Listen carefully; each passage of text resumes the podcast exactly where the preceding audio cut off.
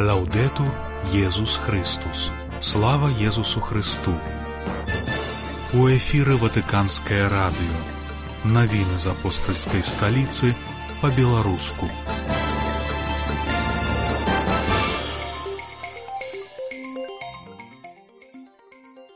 Папа патэлефанаваў манахіні на гаіці.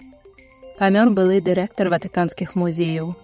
У другой частцы праграмы наша рубрыка касцёлы свет. 5 лютага вас святая Марыя Володзіна.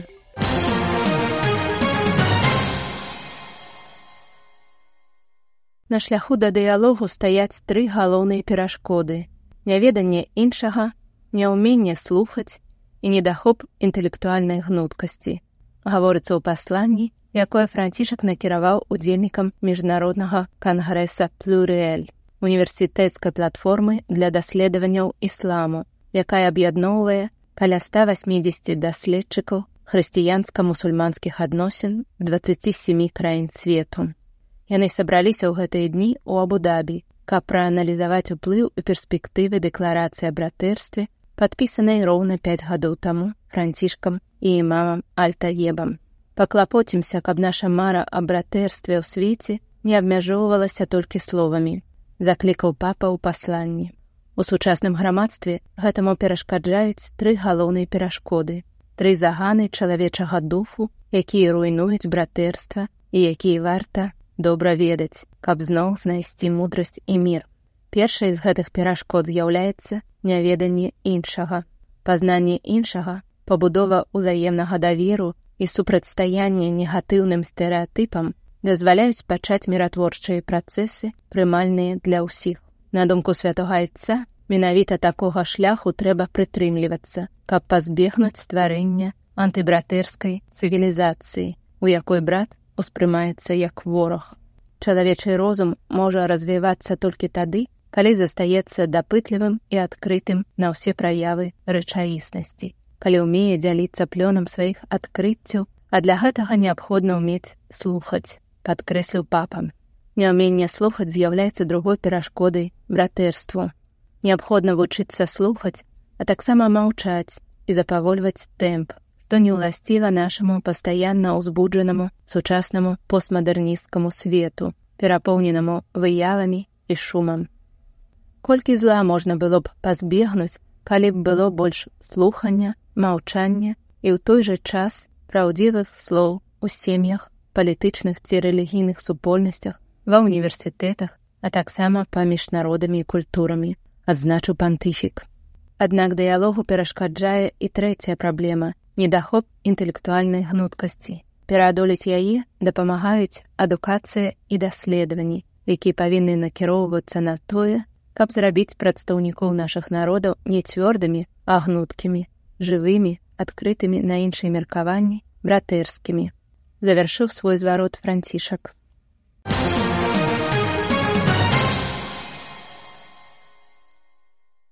У мінулую суботу папа патэлефанаваў сястры паэзіі, якая дапамагае гаіцянскім дзецям у трушчобах сіте салей.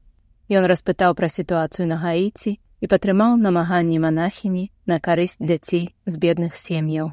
Па словах манахіні, тэлефонны званок папы прынёс радасць і надзею многім людзям, таму што быў адрасаваны не толькі ёй. Гэта быў сапраўдны жэст у адносінах да дзяцей і найбяднейшых людзей гаіці. На пытанне пра штодзённае жыццё ў порто-прэнсе сястра паэзіі распавяла: Вось уже некалькі гадоў у працоўных кварталах адбываюцца сутыкненні паміж узброенымі групоўкамі. Банды становяцца ўсё больш магутнымі і больш не абмяжоўваюцца працоўнымі кварталамі, але прысутнічаюць практычна ў кожным раёне сталіцы і нават у некаторых правінцыйных гарадах. У выніку людзі жывуць у рэальным страху быць абрабаванымі ў любы момант. Калі банда ўрываецца ў раён, усім даводзіцца ратавацца ўцёкамі. Вы бачыце, як людзі бягуць са сваімі дзецьмі. Найбяднейшыя людзі жывуць у залежнасці ад рынкаў, але калі сітуацыя пагаршаецца, калі на вуліцах гвалт, стральба і барыкады, рынкі не могуць працаваць. Гэта павялічвае беднасць і голад, патлумачыла манахіня.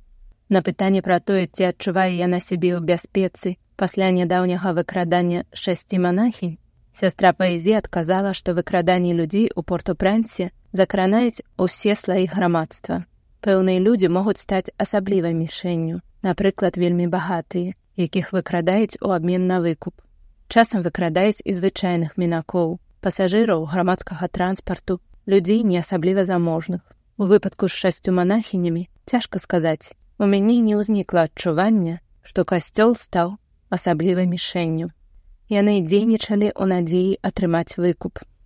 На пытанне пра тое, якая будучыня чакала б шматлікіх беспрытульных дзяцей без дапамогі касцёла, сястра паэзі адказала, што яны б былі кінутыя на волю лёсу і жылі б у галечы, што б з імі стала, толькі пан ведае. Некалькі дзён таму некалькі маці сказалі мне: сястра, калі б не ты, мы б усе памерлі. Думаю, яны трохі перабольшвалі, але гэта тое, што яны адчуваюць. Часам я нават здзіўляюся, як людзям удаецца выжыць, калі яны па некалькі дзён абыходзяцца без ежы, не маюць нічога. Пан прысутнічае, ён ніколі не пакідае сваіх дзяцей, адзначыла монахіня. У эфіры ватыканскае радыё. Навіны з апостальскай сталіцы па-беларуску. Учора пайшоў з жыцця былы дырэктар ватыканскіх музеяў прафесор Антоніа Паалуччы.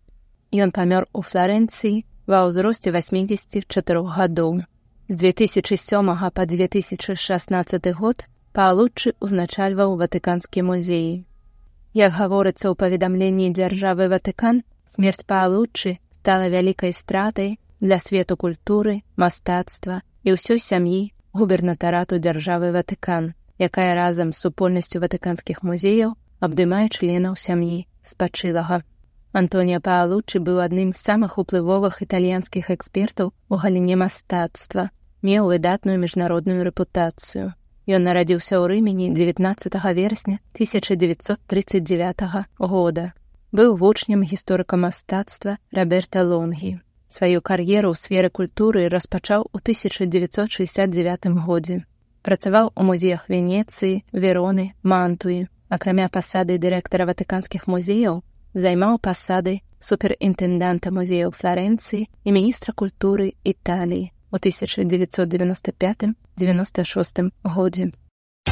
За нашымі навінамі вы можете сачыць на інтэрнэт-старонцы ватикан кропка бівай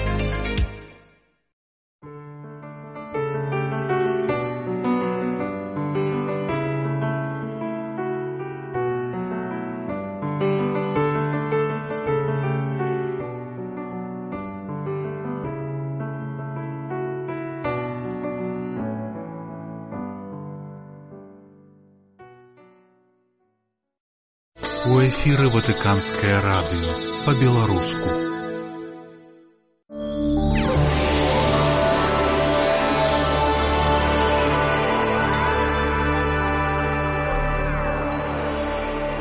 Касцёл і свет, аб чым пісалі каталіцкія смі на мінулым тыдні.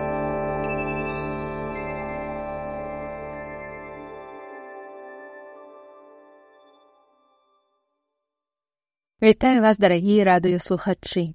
З вами Марыя Валодзіна. Прапаную вашай увазе новы выпуск рубрыкі касцёлы свет. Яна змяшчае падборку цікавых і актуальных матэрыялаў, якія з'явіліся на мінулым тыдні ў сусветных каталіцкіх выданнях.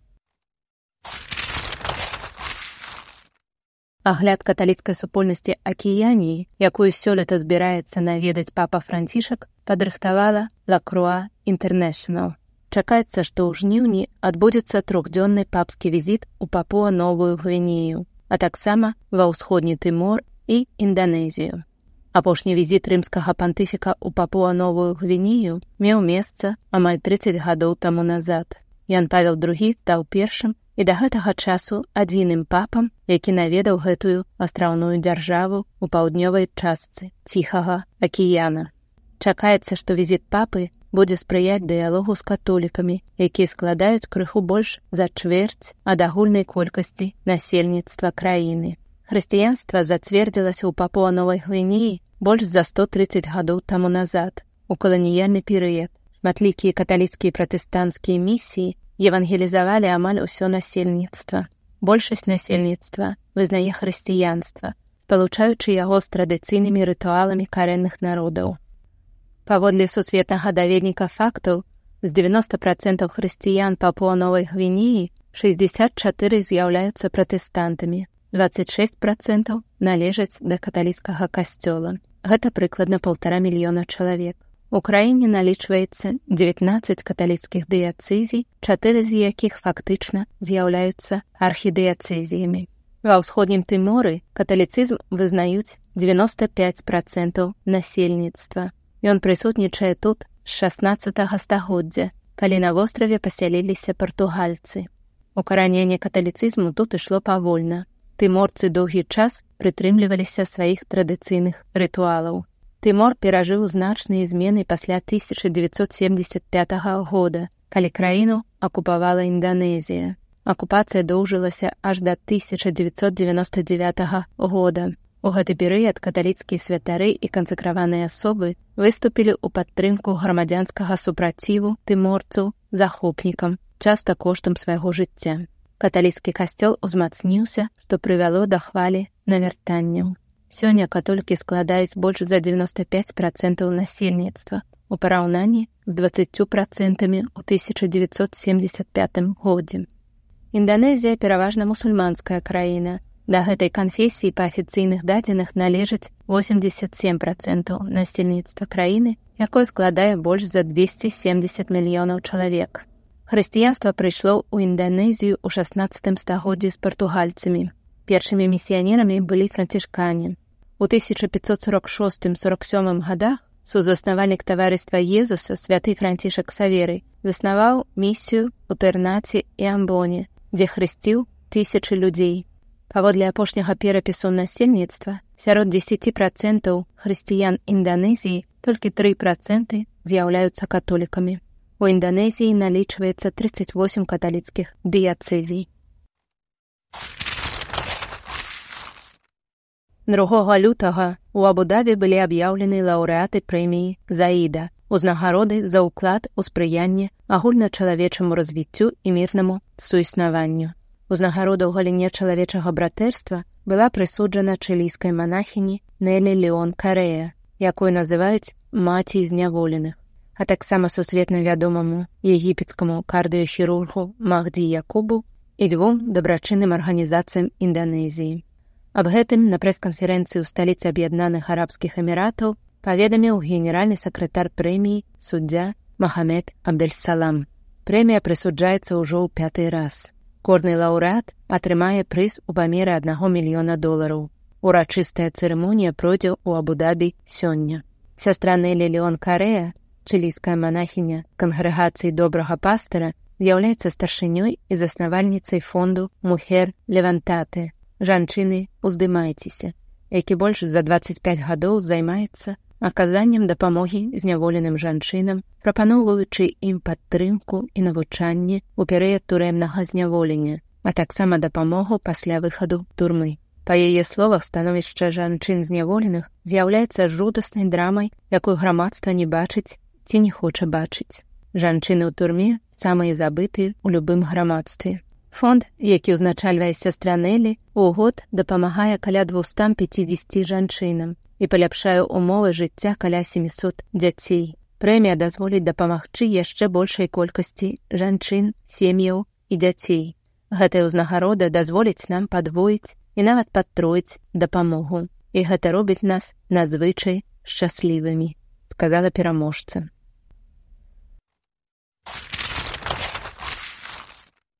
Прэзідэнт Тайваня Цай Інвень накіравала папе францішку ліст, у якім далучылася да яго закліку ўзмацніць рэгуляванне штучнага інтэлекту.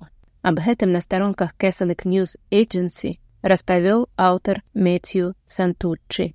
Цай Інвень адправіла ліст у адказ на пасланне папы на 57 сусветны дзень міру, які адзначаецца касцёлам першага студзеня. Тэма сёлетняга паслання штучны інтэлект і мір У яе лісце 31 студзеня адлюстравана пазіцыя краіны як сусветнага лідара у паўправадніковай прамысловасці. Ажыўленню эканомікі вострава спрыяе рост попыту на мікрачыпы, які вырабляе найбуйнейшая кампанія краіны і другая паўправадніковая кампанія ў свеце Тайвань Semiconductor Manufacturing. Па меры таго, як хваля штучнага інтэлекту пракатваецца па ўсім свеце, Тайвань будзе працягваць імкнуцца быць высоканадзейным, эфектыўным і бяспечным партнёрам міжнароднай супольнасці, гаворыцца ў лісце прэзідэнта. Цай падкрэсліла больш шырокія этычныя меркаванні, звязаныя з распрацоўкай новых тэхналогій. Як папярэджвала ваша святасць, рост прымянення штучнага інтэлекту і яго ўплыў на агульначалавечай каштоўнасці спараджаюць сур'ёзныя этычныя рызыкі, такія як умяшанне ў прыватнае жыццё, маніпуляванне дадзенымі і незаконнае сачэнне, якія маюць сур'ёзныя наступствы для свабоднага і дэмакратычнага грамадства. Для Тайваня, як і для іншых дэмакратычных краін, адной з асноўных праблем стала кампанія па дэзінфармацыі, адзначыла прэзідэнт. Старшыня камісіі біскупскіх канферэнцый еўрапейскага саюза папярэдзіў аб тым, што ў чэрвені гэтага года еўрапейскі саюз павінен будзе зарабіць крытычна важны крок для сваёй будучыні. Аб гэтым на старонках Кесалік Хэралд піша аўтар Эліс Н. Ален. Напярэдадні маючых адбыцца 6-9 чэрвеня выбараў у еўрапейскі парламент і ва ўмовах вайны ў Еўропе неабходна аб'яднацца і адмовіцца ад вузкапартыйных інтарэсаў, казаў біскуп Марыяна Крачата, выступаючы перад італьянскім інфармацыйным агенствам сір пасля сустрэчы з пантыфікам 26 студзеня. На аўдыенцыі абмяркоўваліся такія пытанні, як глобальнае становішча Еўропы, міграцыя, вайна ва ўкраіне і маючы адбыцца выбары. Ён таксама накіраваў пасланне маладым людзям, якія будуць упершыню галасаваць на еўрапейскіх выбарах, заявіўшы, што яны з'яўляюцца праваднікамі перамен і абнаўлення Еўропы. Маладым людзям трэба сказаць, што Еўропа гэта іх заўтрашні дзень, які яны закліканы будаваць цяпер. Вашынгтоне прайшоў міжнародны саміт па свабодзе веравызнання. Як піша ў Catholic News Agency Тайлер Арнальд, сотні людзей розных веравызнанняў з усяго свету прынялі ўдзел у адкрыцці саміту ў сталіцы ЗША. У першы дзень перад удзельнікамі выступілі некаруганскі святар, дыпламаты і эксперты ў галіне парушэння свабоды веравызнання на блізкім усходзе, у Кітаі, Украіне, Нігерыі і іншых частках свету. Некаторыя з удзельнікаў дыскусіі выказалі думку, што прасоўванне свабоды веравызнання павінна стаць галоўным прыярытэтам у знешняй палітыцы заходніх урадаў. Грамадства, пабудаванае на свабодзе веравызнання, з большай верагоднасцю будзе бяспечным і квітнеючым, а грамадства, якое не ў стане абараніць свабоду веравызнання, з меншай верагоднасцю будзе стабільным, папярэдзілі удзельнікі сустрэчы. Дзякуй за ўвагу, я развітваюся з вами да наступнага панядзелка.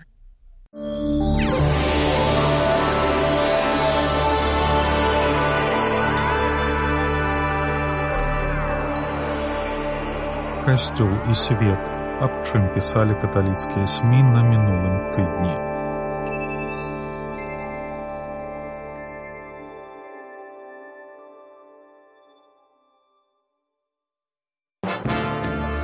Вы слухали беларускую праграму ватыканскага радыё.